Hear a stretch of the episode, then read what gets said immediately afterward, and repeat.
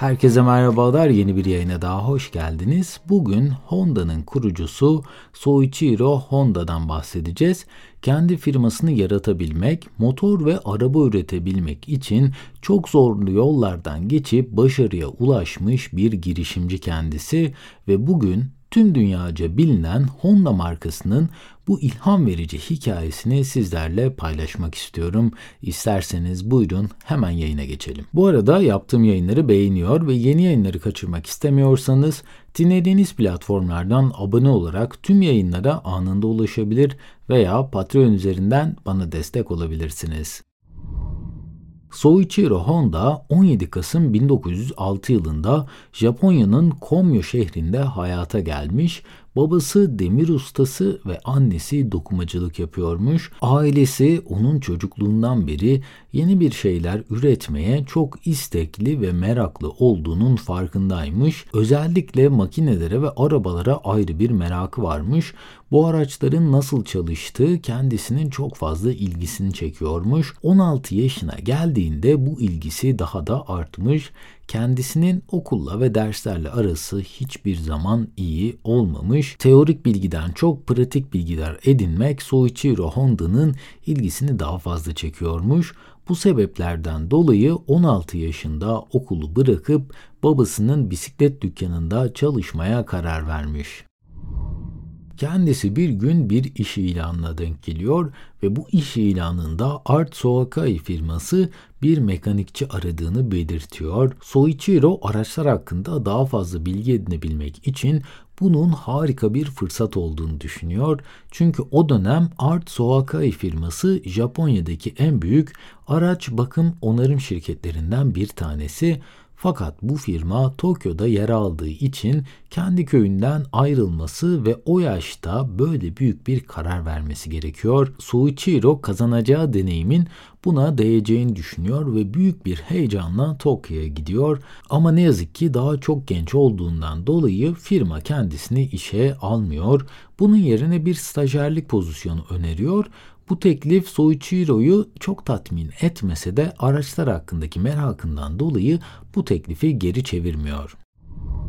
Stajyer olarak çalışmak Soichiro'yu oldukça zorluyor çünkü bu esnada hiç para kazanamıyor ve araçlar dışında da ufak tefek işler yapması kendisinden bekleniyor.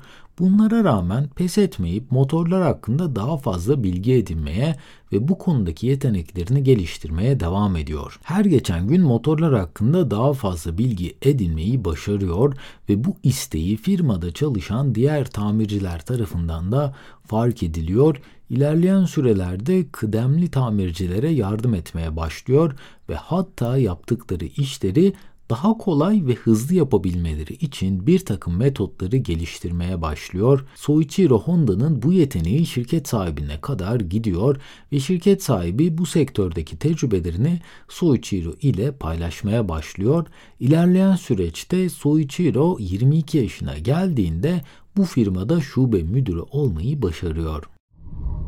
Tüm bunlardan sonra Soichiro Honda hedeflerini büyütmeye karar veriyor ve piston segmanları geliştirmek istiyor. Fakat çalıştığı firma bu fikre pek de sıcak bakmıyor. Soichiro bu anı da hayatının dönüm noktalarından biri olarak görüyor ve şube müdürü olduğu ve iyi para kazandığı bu firmadan ayrılma kararını veriyor. Piston segmanları üzerine de kendisini geliştirebilmek için geceleri bununla ilgili araştırmalar yapmaya, gündüzleri ise farklı materyaller kullanarak bu öğrendiklerini hayata geçirmeye başlıyor. Soichiro en kaliteli piston segmanına ulaşıncaya kadar düzenli olarak bu denemeleri devam ettirmiş.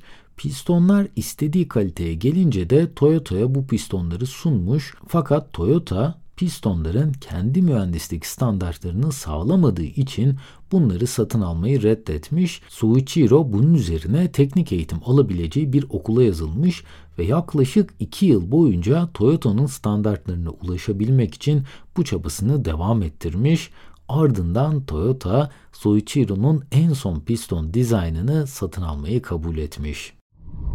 Soichiro için her şey mükemmel giderken Japonya bir anda Çin ile savaşa girmiş ve Japonya'daki erkeklerin çok büyük bir kısmı askere çağrılmış.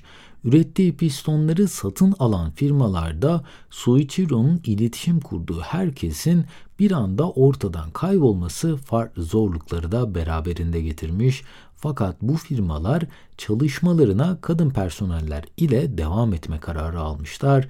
Yalnız kadın personellerin hiçbiri üretim segmentinde görev almadığı için Soichiro'nun fark yaratan tasarımlarını anlamaları çok da mümkün olmamış. Soichiro yaptığı ürünleri çok fazla mekanik detaylara girmeden kadın personellere izah edebilecek şekilde sunumunu güncellemeye karar vermiş.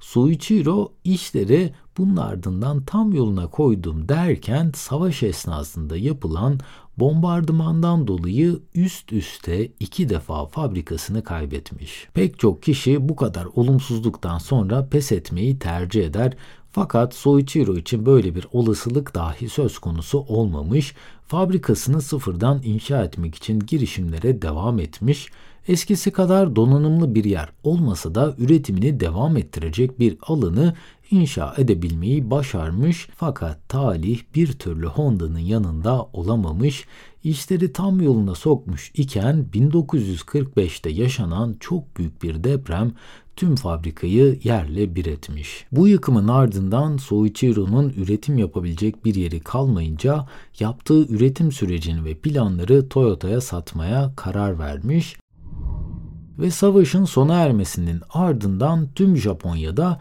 yakıt problemi yaşanmaya başlamış ve ulaşım başlı başına bir sorun haline gelmiş.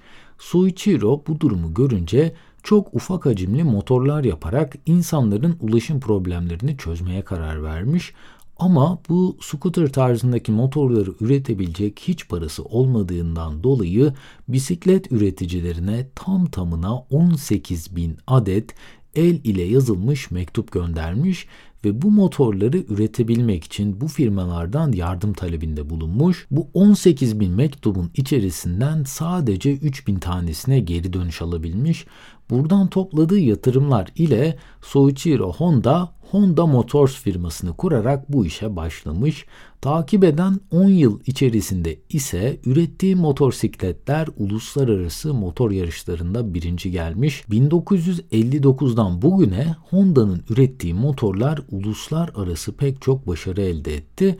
Honda'nın üretmiş olduğu içten yanmalı motorlar da araç sektöründe pek çok üreticinin ve kullanıcının beğenisini kazandı.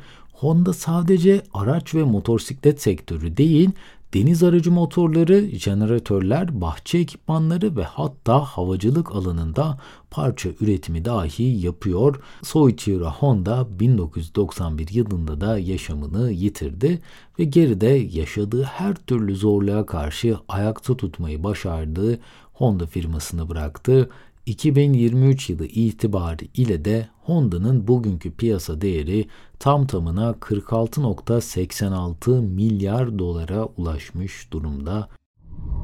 Soichiro Honda tüm hayatı boyunca kendi merakının peşinden koşmuş ve yaşadığı tüm zorluklara rağmen üretme ve geliştirme duygusundan asla vazgeçmemiş.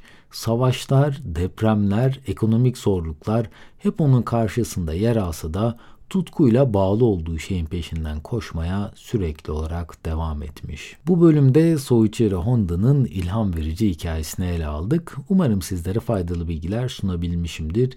Bu arada tüm yayının yazılı metnine ve yayında kullandığım kaynaklara açıklamalar bölümündeki link üzerinden ulaşabilirsiniz. En kısa sürede yeni yayınlarda görüşmek üzere. Kendinize çok iyi bakın. Hoşçakalın.